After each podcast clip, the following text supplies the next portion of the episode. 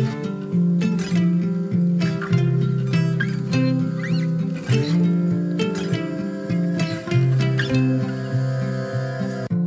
och välkommen till For Health med Anna Sparre. Stress, hormoner och sköldkörtelbesvär med Mia Lundin på temat Är det sköldkörteln eller binjurarna? Vi kommer in på stress, utmattning, binjurar och underfunktion i sköldkörteln i det här spännande avsnittet. Vi pratar hormoner, signalsubstanser och hjärnan. Om näringsbrister som kan påverka den hormonella balansen, om sköldkörtelhormoner med mera. Och medicinerar du fel? Bränner din sköldkörtelmedicin ut din kropp? Är du trött och energilös ska du definitivt lyssna idag. Eller om du är stressad. Och vill du lära dig om din kropp och dina hormoner så ska du lyssna. Vi kör hormonsommar i podden med ett podcastavsnitt varje vecka. Som lyssnare får du hela 20% rabatt på hela sortimentet på nyttoteket.se med koden SPARRE20. Hos Nyttoteket kan du bland annat köpa bärpulver, kollagen, benbuljong i form av real broth och MCT-olja, helt utan onödiga tillsatser. På naturshoppen.se får du rabatt om du använder koden SPARRE. Hos Naturshoppen kan du köpa matbaserade högkvalitativa tillskott såsom mineraldroppar, torskleverolja, kapslar med lever från gräsbetesdjur och Adrenal Cocktail. Jag finns på facebook.com forhealth.se och på Instagram som asparre. På forhealth.se böcker hittar du mina e-böcker. På forhealth.se kan du anmäla dig till nyhetsbrevet som kommer ungefär en gång per månad och du kan även gå min distanskurs om du vill få grunderna kring kost, hälsa och viktnormalisering. Och så kan du boka mig som föreläsare, både online och på plats. Jag är så tacksam om du hjälper till att hålla podden levande genom att dela med dig av avsnittet i en Facebookgrupp, på Instagram och till vänner. Bara att gilla inläggen när de fladdrar förbi i sociala medier hjälper massor. Och gå gärna in och lämna en recension av podcasten i iTunes. Det hjälper oerhört mycket och jag läser alla. Tusen tack!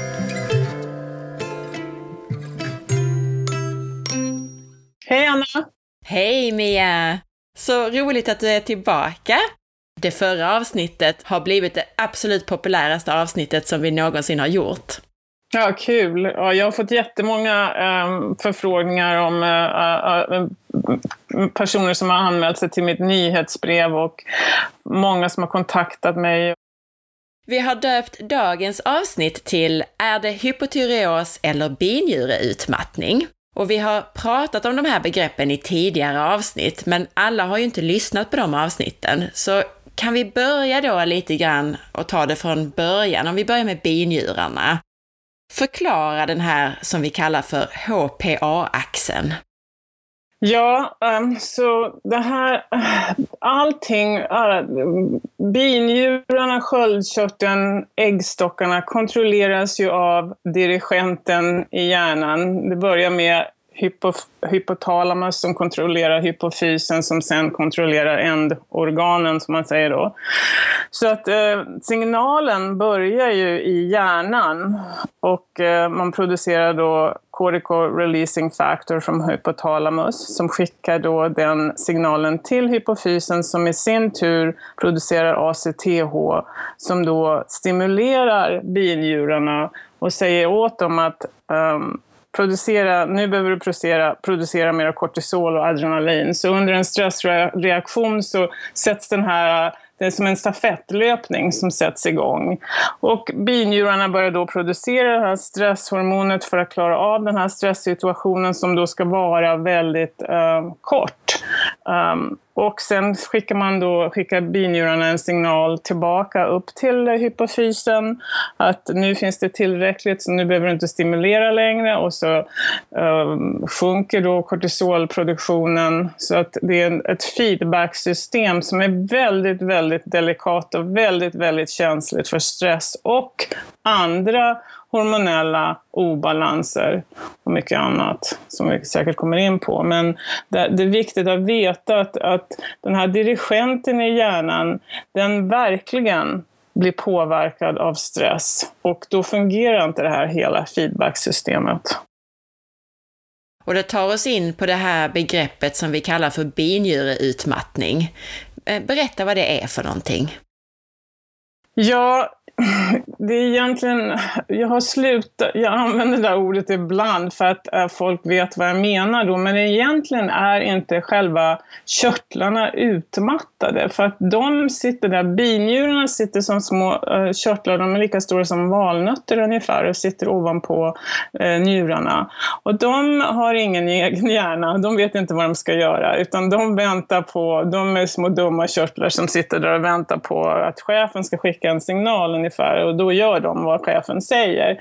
Men kommer ingen signal så produceras det inget, eh, inget, inget binjurehormon. Och därför måste man titta på varför får inte binjurarna signalen längre? Eller vad är det för fel? Och, och det stora orsak, två största orsakerna är att det här feedback-systemet, eh, hjärnan känner inte igen det här feedback eh, hormonet som kommer tillbaks. Eh, så det är väldigt komplext, men i alla fall, vi vet inte riktigt precis vad som händer, men det är precis som den blir um, um, okänslig i hjärnan för det här feedbacksystemet. Men samtidigt en annan väldigt, väldigt viktig faktor är serotoninet. Så under långvarig stress så minskar serotoninet, eh, en av de eh, mest, um, det viktigaste signalsubstansen i kroppen. Och när man har stressat länge och serotonin, man har använt upp serotoninet som man har, eh, förrådet av serotonin, så är det precis som den här dirigenten i hjärnan, då, hypofysen, skickar inte längre signalerna till binjurarna att producera kortisol.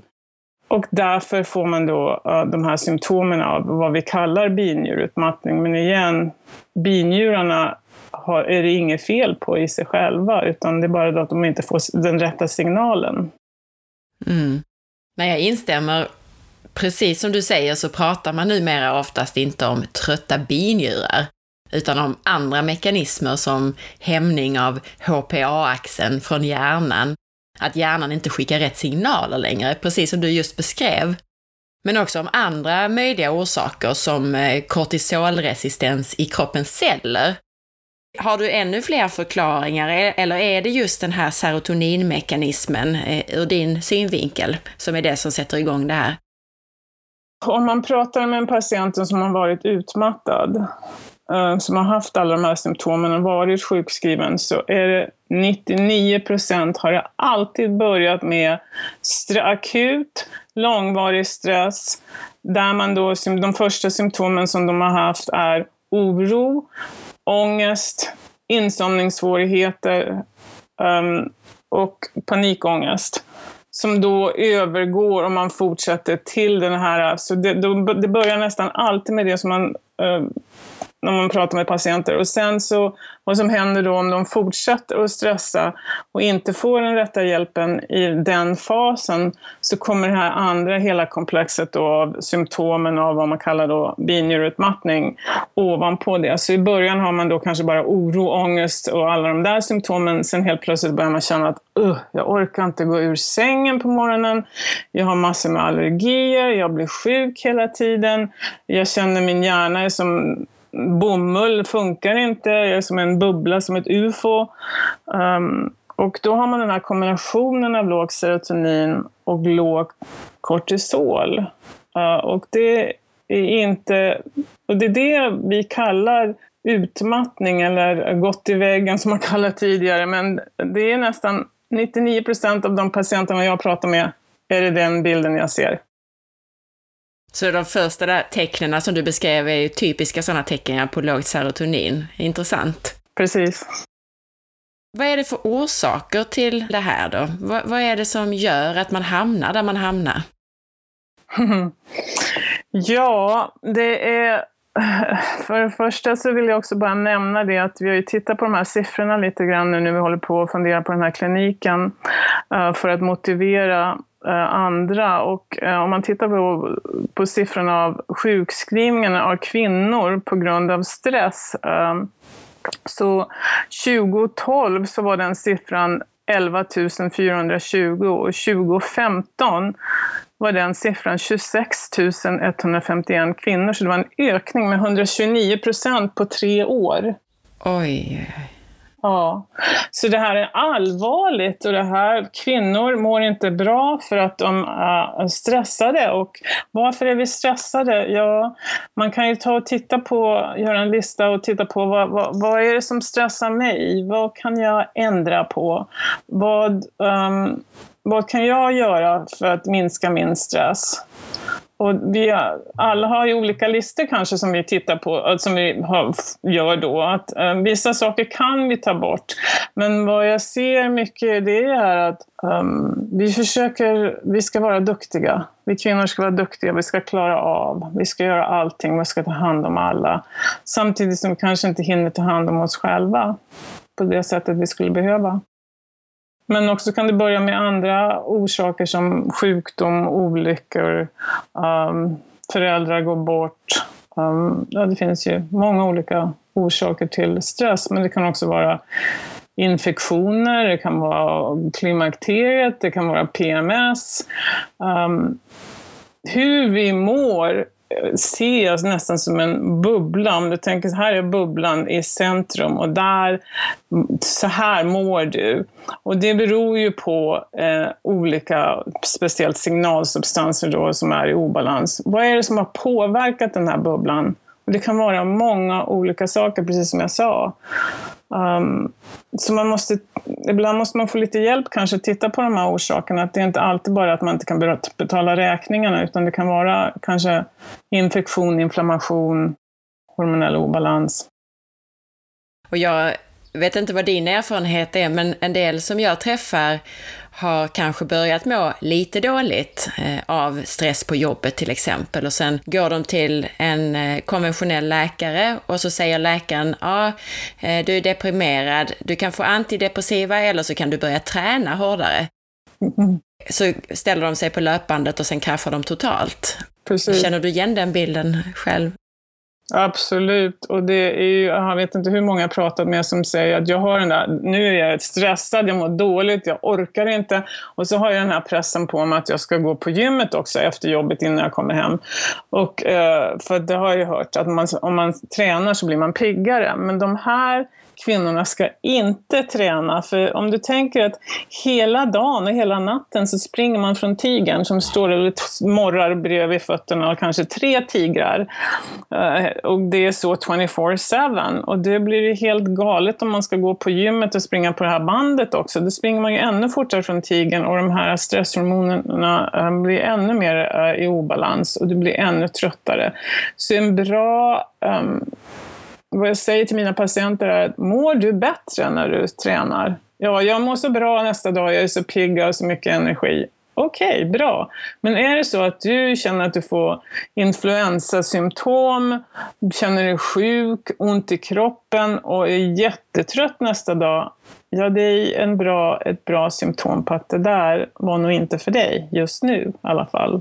Så man måste alltid börja med alltid börja med bromspedalen. När någon kommer till mig som är utmattad och mår dåligt och har alla de här symptomen så kan man inte gasa på utan man måste alltid börja med att hitta lugnet, hitta harmonin, hitta ron och sen kan man börja gasa på om man behöver, oftast behöver man inte det, med eh, att titta på sköldkörteln och titta på binjurarna om de behöver lite extra hjälp. Um, så att uh, man måste alltid börja i en ände och kan inte gasa och bromsa samtidigt för då blir det fel. Så alltid är det, först hittar du lugnet. Ja, du kommer att bli trött första månaden jag behandlar dig för att du behöver vara trött, för att du behöver kunna vila, du behöver kunna koppla av. Och då nästan så de andra bitarna faller på plats som domino. Bitar efteråt. Och apropå det här då, så frågar en lyssnare som heter Emma, hur ska man göra för att återhämta sig från binjureutmattning? Hon skriver att hon har extrem trötthet var eviga morgon, kroppen vill aldrig vakna till liv, sömnsvårigheter på nätterna efter långvarig stress och vården ger inte någon hjälp. Mm. Vad, vad ska hon göra? Ja, det, den där frågan får jag väldigt, väldigt ofta och vad hon behöver göra är att Ehm, börja med att titta på signalsubstanserna. Har hon tillräckligt med serotonin, vilket man kan kolla, eller så bara läsa min bok och läsa vilka symptom man får från låg serotonin och kanske öka serotoninnivån i kroppen samtidigt som man tar tid att laga bra kost, se till att man sover, för sömnen är det allra viktigaste. Att man kan, att man kan sova, för att det är då man reparerar sig. Uh, sängen är medicin, uh, som ett gammalt ordspråk. Um, och det är då man återhämtar sig och återbalansering sker och föryngringen av kroppen. Så man måste kunna sova, man måste börja där med sömnen och sen bygga på, uh, minska stressen, minska utflödet av serotonin, fylla på serotonintanken i kroppen. Och jag har skrivit uh, två olika bloggar på min hemsida. En är just om vad orsakar vad man då kallar binjureutmattning och vad gör man för att eh, komma tillbaks? Och en sak där som du nämnde är ju att sömnen är så viktig. Men problemet för många av de här patienterna eller personerna är ju att det blir som en ond spiral, att det blir svårare och svårare att sova. Har du några tips på vad man gör åt det, eller hur man, hur man börjar med sömnen? Ja, det beror ju på vad den är orsakad av. Om den är orsakad av stress så eh, kan det vara bra att um, ta någonting lugnande för att hitta den här. För ibland har man kommit in i en cirkel där det är en sån här catch 22 där det går inte att somna längre vad man än gör. Och ju mindre man sover ju tokigare blir man. Det tar inte lång tid för man är väldigt knasig om man inte sover. Och då är det hopplöst att sova för nu har man kommit in i en sån här circle där man inte man börjar oroa sig redan två timmar innan man ska gå och lägga sig. Jag kommer inte somna, jag kommer inte somna. Och ju mer man tänker så, ju, ju, ju svårare är det att sova. Så att sådana saker som att inte vara på, framför en skärm, inte vara på datorn, för det stimulerar, den här skärmarna stimulerar den här dopamin och noradrenalin i hjärnan som gör att man blir triggad innan man ska gå och sova. Att man läser kanske en bok eller man tar en, ett varmt bad eller man lyssnar på fin musik eller um, sådana saker så att man lugnar ner kroppen innan man går och lägger sig. Sen kanske man kan hjälpa till med lite GABA eller melatonin uh, för att kunna somna. Ibland behöver man få sömntabletter tre, fyra nätter för att man ska kunna hitta den där sömnen igen.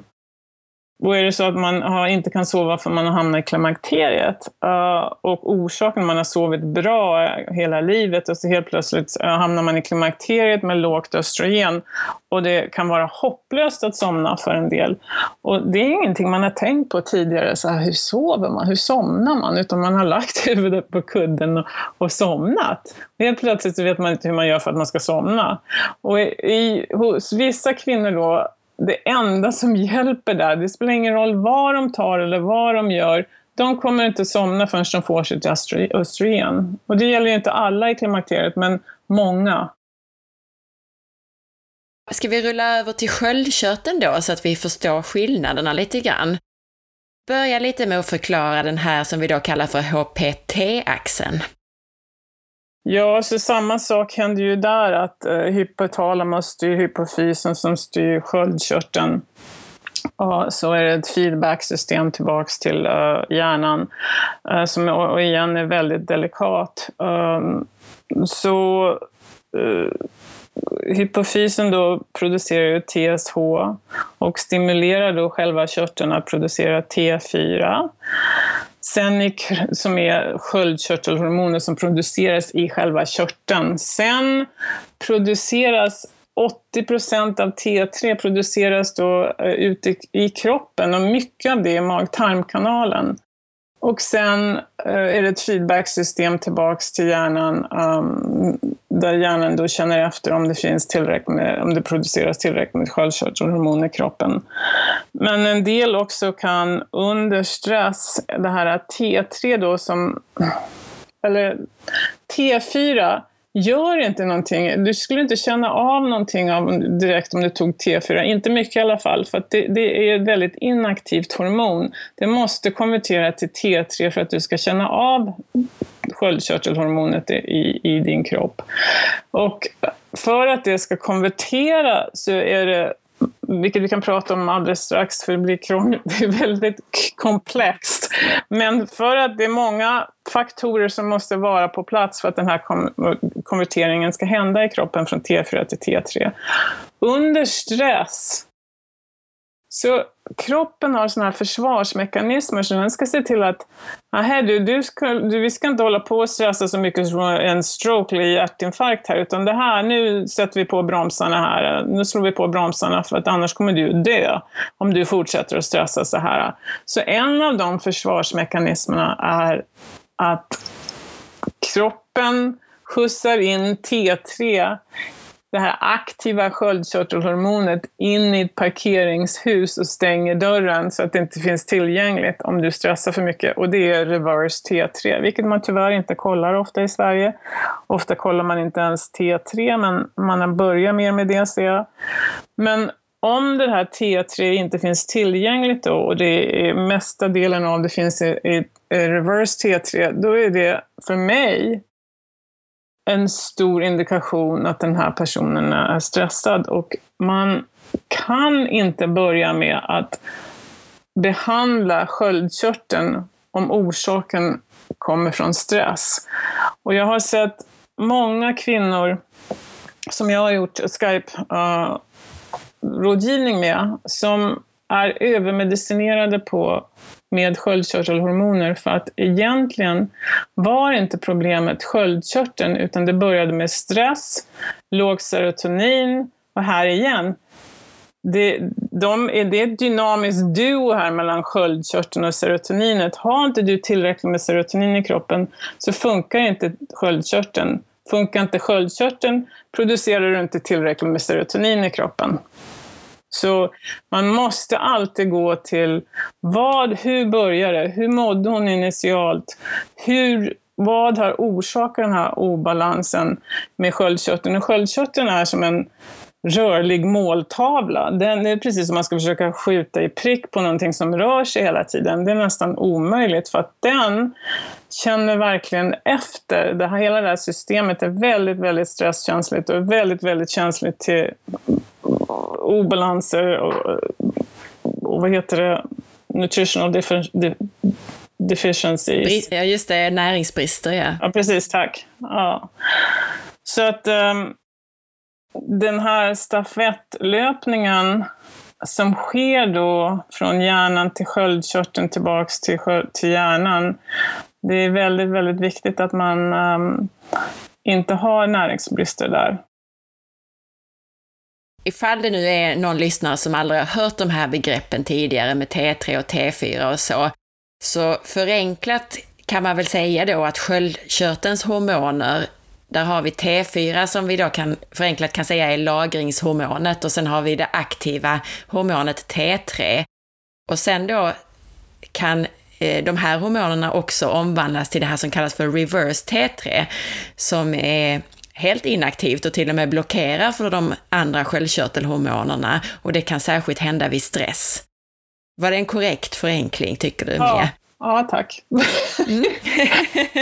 ja, bra. Tack för att jag ibland blir så här, jag har hållit på med det här så länge så jag blir så här lite nördig när jag pratar om sådana här saker. Ja, och det är, jätte, det är jättebra, för de flesta uppskattar det, men jag tänkte ifall någon aldrig har hört de här begreppen så kanske det gick för snabbt. Sen är det väldigt viktigt att vi inte glömmer bort att prata om, om det här med Hashimoto's och autoimmune disease av sköldkörteln också. För att eh, de flesta som har problem med sköldkörteln har faktiskt Hashimoto's. Precis, det är som jag har förstått det också att det vanligaste är en autoimmunitet och därefter en sekundär sköldkörtelproblem på grund av stress, precis som du beskriver. Om vi börjar då bara förklara hypotyreos, alltså underfunktion i sköldkörteln. Vad, vad är det då egentligen och vad kan det vara? Orsaken är ju att man inte producerar, en orsak kan ju vara att man inte producerar tillräckligt med sköldkörtelhormon T4 från sköldkörteln, vilket är väldigt ovanligt. Mer vanligt är att man inte konverterar T4 till det inaktiva sköldkörtelhormonet till T3. Och många gånger kan det orsak, vara orsakat av brist på selen, jod, zink, järn, B12 eller fluor som blockerar den här conversion. Um, eller att man um, ett annat vanlig, en annan vanlig orsak till att T4 inte konverterar till T3 att man är att man är östrogendominant.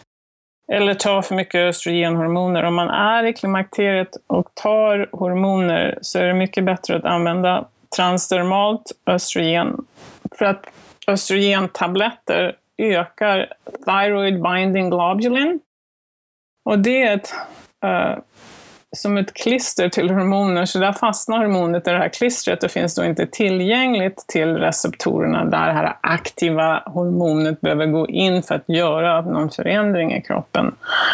Så det är östrogendominans är en annan orsak, att man kanske känner sig, uh, har symptom av, av hypotyreos, men egentligen producerar körteln tillräckligt med hormoner, men det, det är den här conversion från T4 till T3 som inte riktigt fungerar. Eller stress då. Som gör att man har uh, blockerar då med reverse T3. Sen det allra vanligaste det är ju att man har en autoimmun sjukdom eller problem då med sköldkörteln och eh, ofta kommer det då från tarmen. Så Uh, om man tittar då på tarm, någon som har problem med sköldkörteln så ska man ju alltid, de, de hormonerna man ska kolla då är ju TSH, fritt T4, fritt T3, reverse T3 och antikropparna. Och jag brukar kolla TPO, TPO då, det är thyroid peroxidase, eller TGAB, vilket är antithyroglobulin. Ja, speciellt TPO om det är högt, då indikerar det att man har en autoimmun, ett autoimmun problem med sköldkörteln som kallas Hashimotos. Och där, det är ofta orsakat av inflammation och det mest vanliga stället där vi har inflammation i kroppen är tarmen. Och den största orsaken till inflammation i tarmen är att man inte har tillräckligt med de um, med mjölksyrebakterier, de goda bakterierna, eller en obalans mellan de goda och inte så goda bakterierna, som då um, kan orsaka med andra orsaker också än läckande tarm. Vad som, så vad som händer då är att man har en läckande tarm som kanske de flesta av dina lyssnare vet vad det är, för man pratar ganska mycket om det i Sverige, så jag vet inte hur mycket jag vill gå in på det nu, men du får, du får säga till. Men med en läckande tarm så läcker man då um, bakterier, toxiner, mat som inte är nedbruten helt genom den här tarmväggen i tunntarmen in i blodet, i, i cirkulationen i kroppen. Och där på den andra sidan tarmväggen finns ju immunförsvaret då, som känner att oj, oj, oj, vad händer här nu då? Vad är det som kommer igenom här? Och alla soldater blir jätteöveraktiva eh, uh, där och, och ditt immunförsvar blir förvirrat och överaktivt. Så att uh, din kropp vet inte vad, riktigt vad den ska göra med det och kan då orsaka antikroppar som attackerar sköldkörteln. Så när du har Hashimoto så är du på, eh, då, blir den, då blir sköldkörteln inflammerad av och till, av och till. Och man kan då ha symptom av uh, hypotyreos, kanske några veckor, några månader och helt plötsligt får man symptom av hypertyreos. Man känner sig stimulerad och orolig och hjärtklappning och kan inte sova och gå ner i vikt.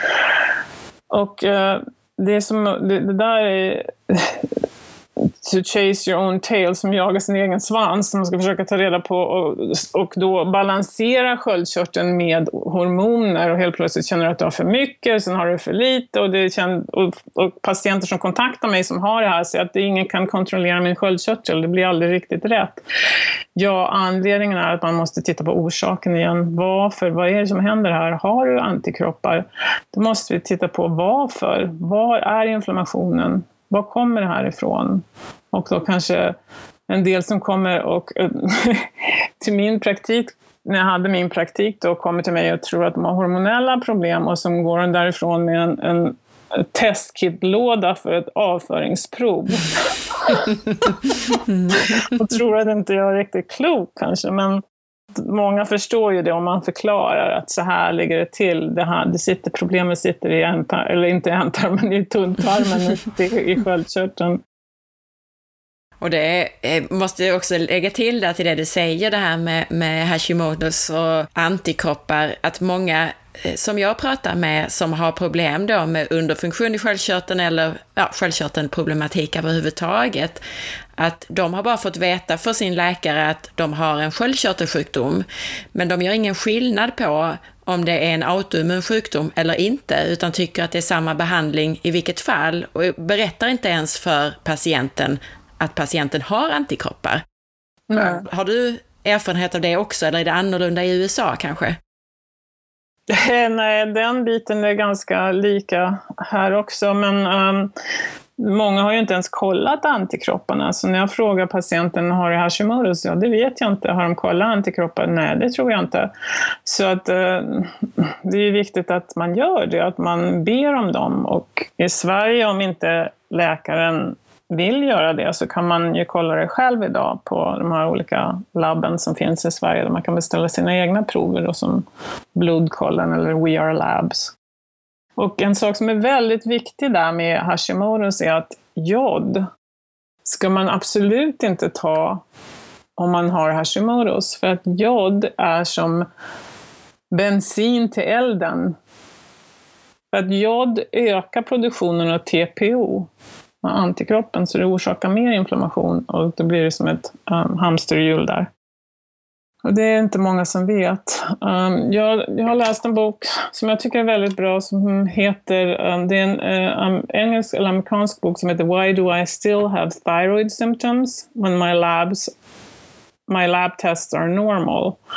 Och han pratar väldigt, han heter Datis Karasian, jag kan stava det senare, men uh, han skriver väldigt, den boken är väldigt bra, handlar mycket om Hashimoto, och hur den behandlingen är väldigt olik den vad patienten behöver jämfört med kanske bara en, en, ett, ett, ett sköld, där du inte producerar tillräckligt med sköldkörtelhormon. Istället är det en autoimmun sjukdom och behandlingen är väldigt annorlunda. Berätta lite om symptomen på, på hypotyreos.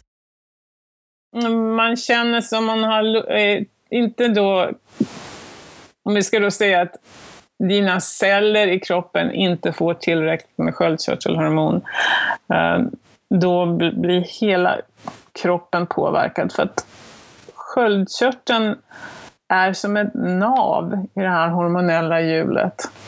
Det påverkar hela kroppen och alla andra signalsubstanser och alla andra hormonella symptom, hormonella uh, um, vad heter det?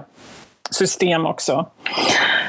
Så att man kan ha mycket, många olika symptom, men de vanligaste då är att man känner sig fryser lätt, man har svårt att äh, kontrollera temperaturen i kroppen, man klarar inte av när det är för varmt heller.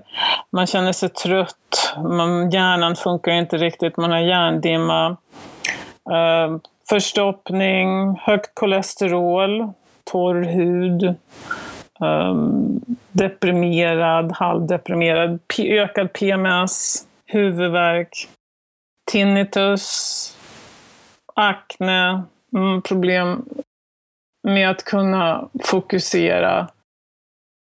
Det är väl de vanligare symptomen som jag kommer ihåg just nu på en gång. Så här. Men um, det kan finnas många olika symptom av hypotyreos. Kroppen drar ner på gaspedalen helt enkelt. Så, så allting går lite trögare. Precis. Och sen nämnde du ju då behandling, att det är olika behandling då beroende på om det är autoimmunitet, Hashimotos, eller om det är eh, hypotyreos av andra skäl. Berätta lite om de skillnaderna. Ja, igen så när jag pratar med patient som kontaktar mig och tycker att, att hon kanske då har hypotyreos för att hon känner sig trött och utmattad. Och, uh, den här bilden ser jag ganska ofta att um, hon har mer eller mindre tvingat sin läkare att skriva ut lite Levaxin för att hon känner sig så trött. Och hon känner nog att hon kanske blev lite piggare när hon fick Levaxin men samtidigt har hon hjärtklappning och kan inte sova. Man, när man tittar på behandling av hypotyreos så måste man alltid titta på, okej, okay, var börjar det någonstans? Upp till vilken tidpunkt i ditt liv mådde du bra? Och vad hände sen? Och vad hände då? Och vad en typisk då patient är igen att ja, jag mådde ganska bra och sen så hamnade min man i en eh, motorcykelolycka. Min mamma blev sjuk samtidigt och min chef, vilket är väldigt vanligt, eh, var inte snäll. Någonting som jag hör hela tiden. Uh, och jag var helt stressad på jobbet och jag ville bara kämpa på och vara duktig. Och jag försökte, försökte, försökte. Till slut så bara klappade jag ihop. Och nu är jag så trött och jag mår så dåligt. Och jag, jag, först kunde jag inte sova, jag hade den här panikångesten, oron, kunde inte sova. Och nu är jag mera trött och orkar inte ta mig ur sängen på morgonen. Jag orkar knappt ta mig igenom dagen. När jag kommer hem från jobbet på eftermiddagen måste jag gå och lägga mig och sova ett tag. Jag kan inte planera måltiden, jag orkar inte och jag kan knappt ta hand om barnen. Och nu är jag så trött och mitt, jag har kollat mina sköldkörtelhormoner och de är inom referensvärdet men kanske lite låga. Så jag har sagt åt min läkare att han ska skriva ut vaccin. Och han säger, nej du har inget fel på sköldkörteln, men jag vill prova ändå. Och sen har de nästan tvingat läkaren att skriva ut vaccin. Och där är hon nu, stimulerad, nervös igen, kan inte sova, hjärtat bultar på, men hon känner sig nog lite piggare och orkar igenom dagen. Den situationen ser jag väldigt, väldigt mycket. Och man, där börjar man ju inte med sköldkörteln, utan man hittar lugn när man tittar på stressfaktorerna. Man behandlar serotoninet, man ökar serotoninet, man, man börjar äta rätt. Och då, oj, vad hände? Jo, jag börjar må känner mig lugnare, jag sover, jag börjar må bättre. Jag, jag behöver inga sköldkörtelhormon. Och då om man tittar, man skulle kolla då sköld, prov, gör, ta prover på sköldkörteln under den här tiden hon var stressad och utmattad och sen när hon då mår bra igen och hittar lugnet och sover och bytt jobb och bytt chef, ja då helt plötsligt är sköldkörteln normal igen. Så det är väldigt viktigt att man tittar på hur det hela börjar, för allting hänger ihop och man kan aldrig gasa och bromsa samtidigt. Men om det nu är sköldkörteln så måste man också ta reda på, är det Hashimoto's eller inte? Är det Hashimoto's och har man höga antikroppar, då behandlar jag inte sköldkörteln utan då behandlar jag mag-tarmkanalen istället. Är det för att hon inte äter riktigt och inte, hon har brist på selen, zink, järn eller B12, då ser det till att hon tar kosttillskott för att um, hjälpa sköldkörteln att konvertera T4 till e T3. Är det att hon är östrogendominant, ja då ger jag henne progesteronkräm, eller rekommenderar progesteronkrämen för att balansera mm, könshormonerna. Så att, äh, det här är väldigt, som du kan se, du vet också, jag vet att du är så himla duktig och vet så mycket äh, om allt det här, men det är ett väldigt komplext, väldigt komplext äh, situation när man då är involverad, när man tittar på de här systemen tillsammans, könshormonerna, kvinnohormonerna, signalsubstanserna, binjurarna och ehm, sköldkörteln. Och vi kan förtydliga då att Levaxin som du nämnde, den här medicinen, är ju en medicinering av T4, lagringshormonet. Men vad kan hända egentligen om man då eh, har någon typ av symptom som indikerar hypotyreos, underfunktion i sköldkörteln, men det beror egentligen på stress. Om man då tar medicin, alltså Levaxin T4, kan det göra mer skada eller vad händer egentligen? Jo, precis. Då stressar man ju systemet mer och trampar på gaspedalen när man egentligen skulle bromsa. Men givetvis finns det de, så jag tycker jag svarar kanske inte riktigt på din fråga där tidigare, men givetvis finns det de som har hypotyreos som behöver sköldkörtelhormoner. Och ett av de stora problemen i Sverige är då att man, man portionerar ut eller vaccin då till höger och vänster och kanske aldrig kollar egentligen om den här patienten konverterar det här eller vaccinet då, som är T4 till T3. För att man tittar aldrig på fritt T3. Och det är inte så ofta som man faktiskt får det utskrivet då, T3. Om T3 nu skulle vara för lågt så måste man ju lägga till T3.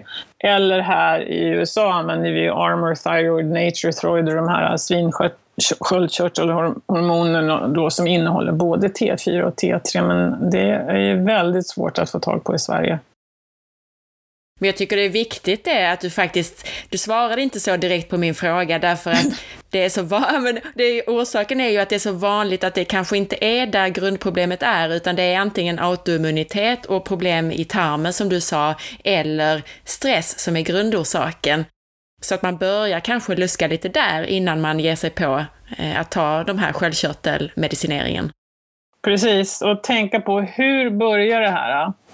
Och jag, för när jag har en patient som har redan börjat med de här eh, hormonerna och egentligen var orsaken då stress och lågt serotonin, så frågar jag alltid hur, för nu om man tittar på sköldkörtelhormonerna nu, när hon tar eh, sköldkörtelhormon så är det väldigt knepigt att veta vad var, vad, hur var det från början. Så jag vill alltid se testen hur den var innan hon började med hormoner. För att om du börjar ta sköldkörtelhormoner när du inte behöver det, ja då börjar ju TSH direkt att gå ner. Och, eh, som är ett tecken då på att man har övermedicinerat den här patienten. Så har hon hjärtklappning, mår hon dåligt, hon hade initialt ett normalt TSH och nu är TSH 0,01, då är det ett klart tecken på att hon tar för mycket. Att det där är inte vad hon behöver just nu. Så att, precis som du säger, det är jätteviktigt att titta på hela den här biten. Och var gör man det någonstans i Sverige? Och vem, vilken läkare går man till i Sverige som kan titta på om det är fel på mag-tarmkanalen när du känner dig stressad?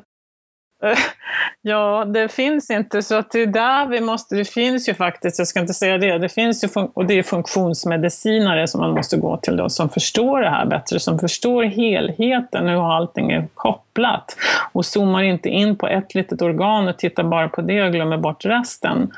Och funktionsmedicinarna, de som finns i Sverige nu, de har ju inga tider på, de kan ju inte ens ta emot fler patienter för de är ju fullbokade.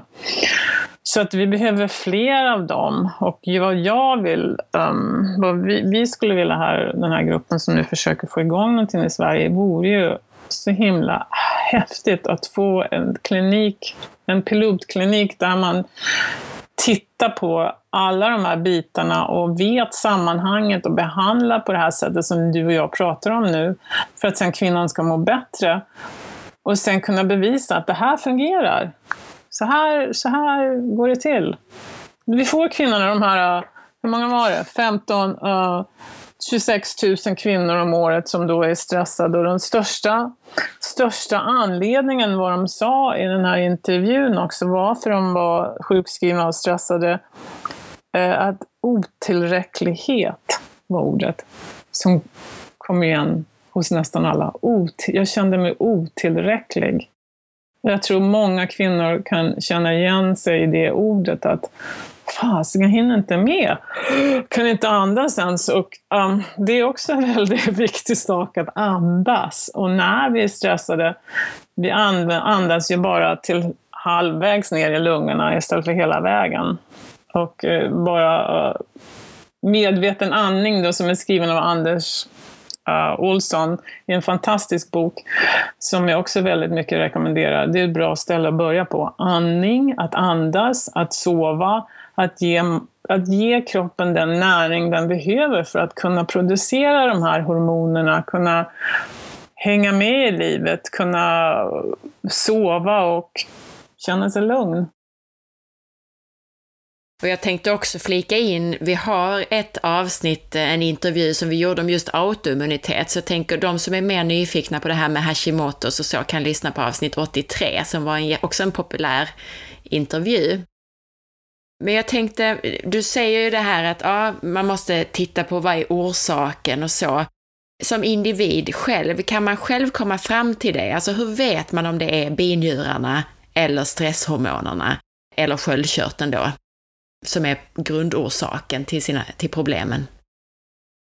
Bra fråga, för att många är ju utlämnade till sig själva så att säga i Sverige, alltså, stackarna. Ja, um, ja det, eh, som jag säger om och om igen att det är väldigt viktigt att titta på hur börjar det? Vad, vilka symptom hade jag initialt? Upp till vilken tidpunkt i mitt liv mådde jag bra? Vad var det som orsakade det här? Och var det det eh, en akut eller långvarig stress så man fick de här eh, gaspedalpåslagen av lågt serotonin först, då, då vet vi att det var där det började och vi måste gå tillbaka och, och börja pussla ihop de här uh, signalsubstanserna och få ordning på dem och hitta lugnet um, på många olika sätt. Då. Eller var det att jag har känt mig ganska låg längre tid. Eh, det är ingen som har kollat sköldkörteln, jag går upp i vikt, jag kan inte gå på toa, jag är förstoppad och jag har egentligen inte haft någon större stress um, i mitt liv. Ja, då kanske det var att det började med sköldkörteln. Eller var det att jag har haft så himla ont i magen och uppblåst. Jag har fått diagnosen IBS, vilket inte är någon, det betyder mer eller mindre, vi vet inte vad det är för fel. Eh, var, var det det som, så det började med att jag kanske fick lov att ta antibiotika, tre kurer för att jag hade en, någon infektion som inte gick bort. Och efter det har jag världens problem med magen och mag-tarmkanalen. Jag har ont, jag blir uppblåst, jag kan inte äta viss mat. Eller var det uh, att jag inte tar tid att uh, eh, äta riktigt? Eller är det för att jag har börjat få oregelbundna menstruationer och jag, eh, min mens börjar bli väldigt tung och jag har klumpar i mensen och den kommer var första 24 dag istället för var 28 dag. Ja, då är jag kanske östrogendominant och det då blockerar sköldkörteln. Eller äter jag fel? Kanske inte jag egentligen ska äta gluten. För är det är det Hashimoto's, då äter man gluten, då ökar det det här problemet. Så gluten är inte bra om man har problem med sköldkörteln, för att det ökar inflammationen i mag-tarmkanalen, ökar symptomen av Hashimoto's och blockerar också sköldkörteln. Och du har ju nämnt här då, så nu nämnde du till exempel då om jag inte äter tillräckligt bra och så nämnde du tidigare också en del näringsämnen och brister som spelar in i de här tillstånden. Vi kan väl fördjupa oss lite grann i det. Vi har bland annat en lyssnare som frågar om, om jod. Och det är en lyssnare som heter Camilla som eh, skriver så här. Hur stor påverkan har jod på sköldkörteln och hypotyreos? Kan man hjälpa till genom att äta tillskott eller hur samverkar det egentligen? Mm. Ja, igen, om det är så att hon inte producerar tillräckligt med T4 men inte har Hashimoto's, ja då kan man ju ta jod. Men jag undrar med henne om hon kanske har Hashimoto's och kan inte, och blir värre än hon tar jod. Um, men andra, sak, andra näringsämnen då, som jag har nämnt tidigare är att ibland kan man bara, om det verkar som man inte konverterar T4 till T3, om man gör proverna och ser att man har ett ganska normalt T4 men ett väldigt lågt T3, då kan man själv börja med att ta zink och järn och B12 och selen och se om det hjälper. Och minska stressen, för att det ökar också då um, conversion, vad heter det på svenska igen? Eh, omvandling. Ja. Omvandling, tack. Omvandlingen av T4 till T3. Så det är väldigt svårt att svara på den frågan för att jag vet inte tillräckligt, tillräckligt om hennes uh, situation. Mm. Hon skrev att eh, jag började själv äta både LCHF och ta tillskott av jod efter att jag hade fått diagnosen hypotyreos. Tre månader senare hade provsvaren blivit bättre och mina symptom dämpades markant efter bara några veckor med jodtillskott. Hur funkar det och bör man ta tillskott? Ja, alltså jag kan ju tala om um, vad som hände med mig, för att jag har Hashimoto's. Och jag tog T4, T3 och eh, åt eh, gluten. Alltså jag var inte glutenfri, utan jag, det hade det. Det fanns i, i, i min kost, gluten. Och eh, var, kände mig ganska balanserad då. Och sen, då visste inte jag tillräckligt om det här. Men sen så fick jag för mig då att, eh, en jul att till nyår då ska jag sluta äta gluten. Det var mitt nyårslöfte. Inget mer gluten. Nu vill jag gå ner lite i vikt och ska sluta äta gluten och blev hypotyr fick hypotyreos, kändes det som. Alltså mina sköldkörtelhormoner just went through the ceiling. För att jag, nu när jag slutade äta gluten, så blockerade jag inte det sköldkörteln längre, utan nu tog jag för mycket sköldkörtelhormon helt plötsligt. Så det, där har du ett bevis på att hur det fungerar, att sköld, när man äter gluten, om man slutar äta gluten, kan sköldkörteln bli väldigt normaliserad bara från det. Att man inte behöver ta så mycket hormoner längre. Jätteintressant.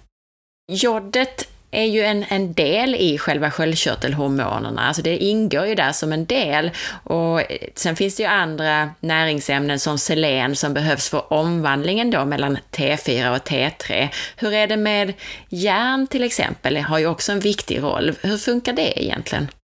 Ja, jag tror också att det har mycket att göra med omvandlingen där från T4 till T3. Och järn behövs också för att man ska kunna tillverka signalsubstanser, både dopamin och, och, och tyrosin. Så att eh, sen tyrosin, om vi ska krångla till det ännu mer, så behöver man också tyrosin för en normal sköldkörtelfunktion. Men sen är det också det här med cellerna. Man vet ju, allt man kan kolla är ju hur mycket av de här hormonerna hamnar i blodet och nu cirkulerar i blodet. Men sen finns det inget test där man kan kolla, fungerar receptorerna? Kommer det in i receptorerna? Tar de här receptorerna på cellnivån in det här hormonet eller inte? Då blir det ju väldigt krångligt, då får man gå på symptom. Men eh, man ska aldrig behandla sköldkörteln bara symptomatiskt om man då börjar känna sig man kan göra det, men man ska vara väldigt försiktig. För har man då den här hjärtklappningen, nervositeten och uh, hjärtat bultar på och man kan inte ta djupa andetag, ja, då, då tar man för mycket helt enkelt. Och det, det är någonting som jag har stor respekt för. För att hypertyreos är ingenting att leka med, eller att man övermedicinerar med sköldkörtelhormoner. Det kan vara farligt. Och här är en, en lyssnare, Ida, som skriver eh, ett par frågor. Och hon börjar med att skriva att jag har ätit förhållandevis autoimmunkost i snart ett år, så då antar jag att hon är glutenfri då bland annat. Och då har hon hållit, jag har hållit mitt TSH nere, skriver hon. Så vi utgår ifrån att hon har en autoimmun sköldkörtelproblematik då i form av Hashimoto's. Och så skriver hon vidare att nu har TSH gått upp lite, vilket oroar mig. Huruvida kan TSH variera utan att kroppen har reagerat negativt på något? Ja, um, det, som jag sa, sköldkörteln är en rörlig måltavla. Den känner efter dagligen vad som pågår i kroppen och förändrar den här produktionen beroende på vad som pågår. Och uh, det här med TSH är inte sån här jättebra uh, test, att, um, den är inte så jättesäker um, eller pålitlig kan man säga. För att den blir påverkad väldigt mycket av andra saker som pågår i kroppen. Som till exempel om ditt serotonin är för lågt, vilket de flesta kvinnor i Sverige har, uh, 70 procent tror jag har lågt serotonin. Uh, då fungerar inte det här feedbacksystemet och då kan man inte riktigt lita på ett TSH. Um, för under stress också när man har högt kortisol så kan man inte riktigt lita på den här kommunikationen mellan hypotalamus och uh, hypofysen. Så att um, genom att bara titta på TSH så kan det bli väldigt knepigt. För att um, man inte kan lita på det så himla mycket om det pågår andra obalanser i kroppen. Och den här kvinnan, det lät ju som att hon, eftersom hon åt en autoimmun kost, att hon har en autoimmunitet, så hon borde väl följa sina antikroppar kanske snarare än TSH, eller finns det några andra mått som är viktigare? Precis, jag tycker det är jätteviktigt att hon gör det. Hon måste titta på hela bilden. För att hon måste titta på antikropparna samtidigt som hon tittar på TSH fritt, T3 fritt, T4, så hon inte övermedicinerar. Uh, men också se till att antikropparna um, normaliseras då genom rätt kost och att man behandlar tarmen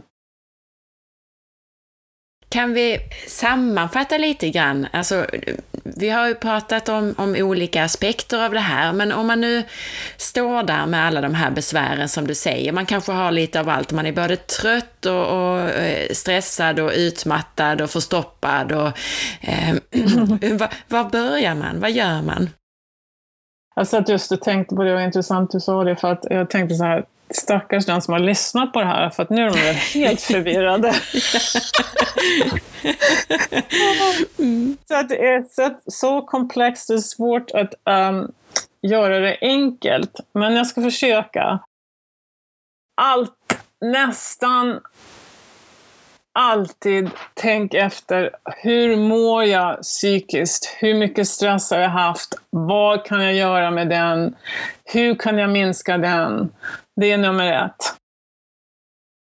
Innan man börjar titta på värden och allting.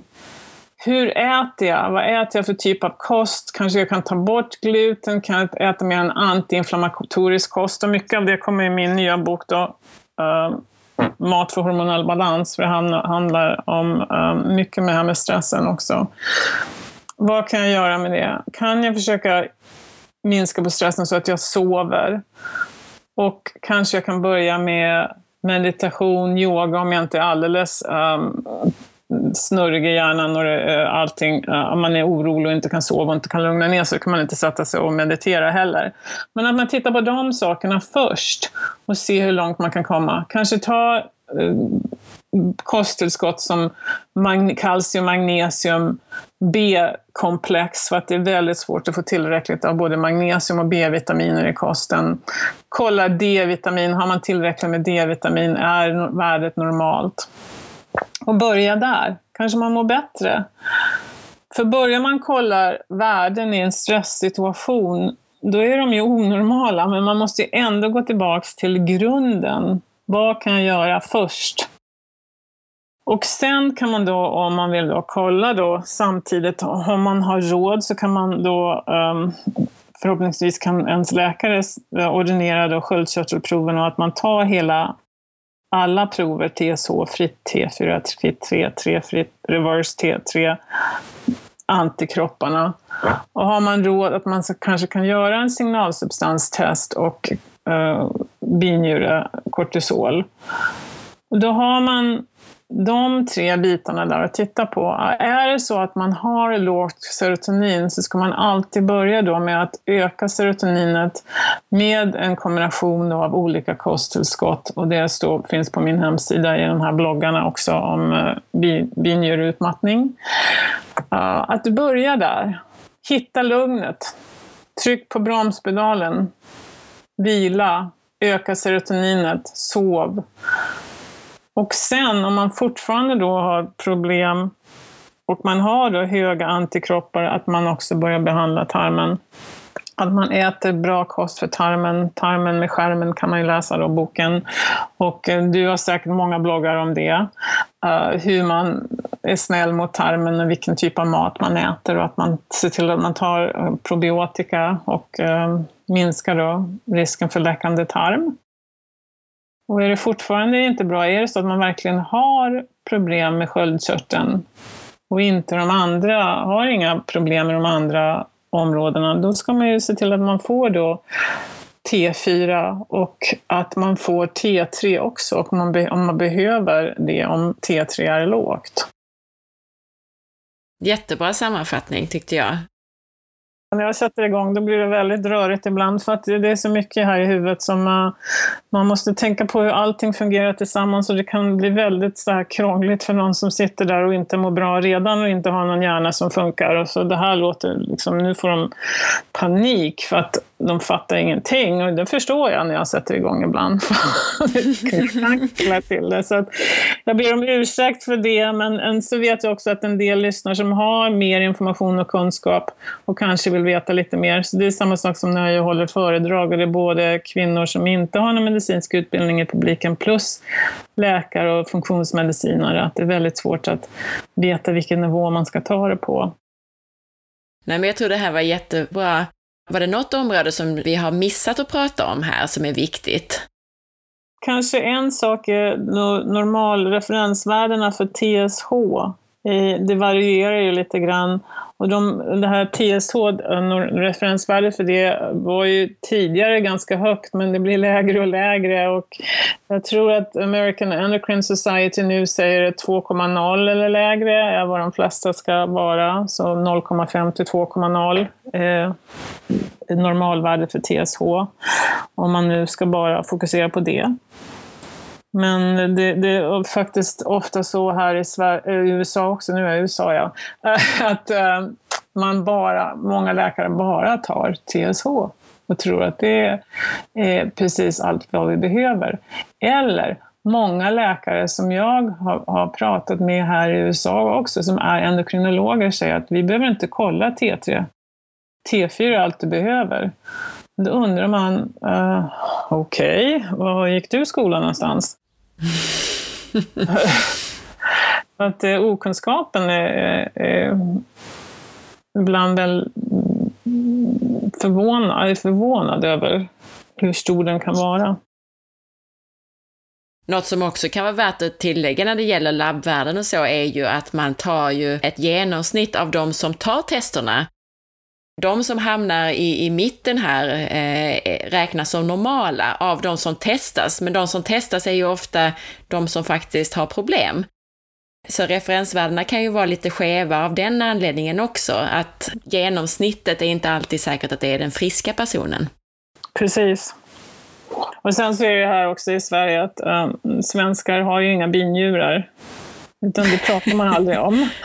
Utan det, Oh, nej, det får man inte prata om, om binjurarna och kortisolet. Och eh, det tittar man inte på och det är där ofta det börjar ju, med stressen och kortisolet. Och kortisol är väldigt svårt att mäta i, ser, i serum, då, i blod, för att eh, vi måste då befria kortisolet och det ser man då bäst i, eftersom det produceras i en sån här, vad som kallas circadian rhythm, att det är högre då på morgonen och och eh, minskar under dagen så är det väldigt bra att göra det i salivprov och göra då fyra prov under en dag för att se hur den här kurvan ligger. Är det så att man har högre på morgonen och minskar på kvällen när det är lågt så man kan sova eller är det så att den här kurvan är flippt och du vaknar och har ingenting på morgonen på kvällen när du ska sova är det jättehögt och det är klart att du inte kan somna då. Så att eh, jag hoppas att det kommer att bli accepterat mer i Sverige att man faktiskt tittar på kortisolet och dygnsrytmen av kortisolet också. Att man inte är rädd för det. Det behöver inte vara Cushings eller Addisons för att man ska ha problem med binjurarna. Utan det kan vara bara som subclinical också, precis som med sköldkörteln. Om man nu vill veta mer om dig, hur gör man då? Vad är din hemsida? Den är eh, uh, mialundin.se och där har jag bloggar och som jag sa så skrev jag nyligen två bloggar. En om uh, binjurutmattning, varför det händer och en också om hur jag rekommenderar att man behandlar det. Plus att jag har FAQs, frågor och svar och många andra hormonella uh, problem och frågor som kvinnor har skickat till mig som jag har lagt upp där på FAQs. Du kan också anmäla dig till mitt nyhetsbrev. Um, du kan också hitta mig på Facebook och allt finns på min hemsida. Jag hoppas att vi får ha med dig här flera gånger Mia, så att du kan förklara det på det här fina sättet som du gör. Ja, tack, ja det gör jag gärna. Det är alltid kul att bli intervjuad av dig för att du är väldigt duktig själv och du frågar bra frågor. Tack så mycket. Det är jättetrevligt att prata med dig och eh, Och jag, jag hälsar till alla kvinnor i Sverige och jag hoppas att ni lärde er något och att um, ni hittar vägen till hälsa och välmående. Tyckte du om det här avsnittet så lyssna även på avsnitt 111 Acceptera inte din diagnos. En guide till nedsatt sköldkörtelfunktion och autoimmuna sjukdomar. Och lite om stress och utmattning. Det kan också vara intressant att lyssna på avsnitten om sköldkörteln som vi gjorde med Morley Robbins i avsnitt 255 till 257. Redan nästa vecka är vi tillbaka med ytterligare ett avsnitt på tema hormonkaos. Vi hörs då! Vet du att det finns nyttig och god fryspizza utan spannmål och gluten med bottnar på bland annat lokalodlad vitkål?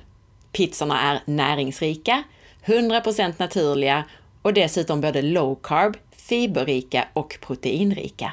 For Real Foods finns i frysdisken hos utvalda ICA och Coop-butiker eller som hemleverans på mathem.se och forrealfoods.se.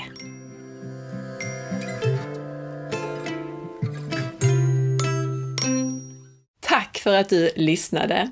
Jag hoppas att du gillade avsnittet. Dela med dig av det så att fler får ta del av den här spännande informationen om hur kroppen fungerar. Är du ny med att lyssna på podden? Missa då inte avsnitt 300 som heter Börja här! Ett avsnitt som guidar dig rätt i kost, hälsa och bland alla de över 300 podcastavsnitten. Följ med på facebook.com forhealth.se där du kan hitta avsnittsinformationen till det här avsnittet som du kan dela och där du flera gånger i veckan hittar nya hälsotips. Följ också mig på Instagram via asparre och titta in på bloggen på forhealth.se. Ha en fantastisk dag! Vi hörs snart igen. Hej då!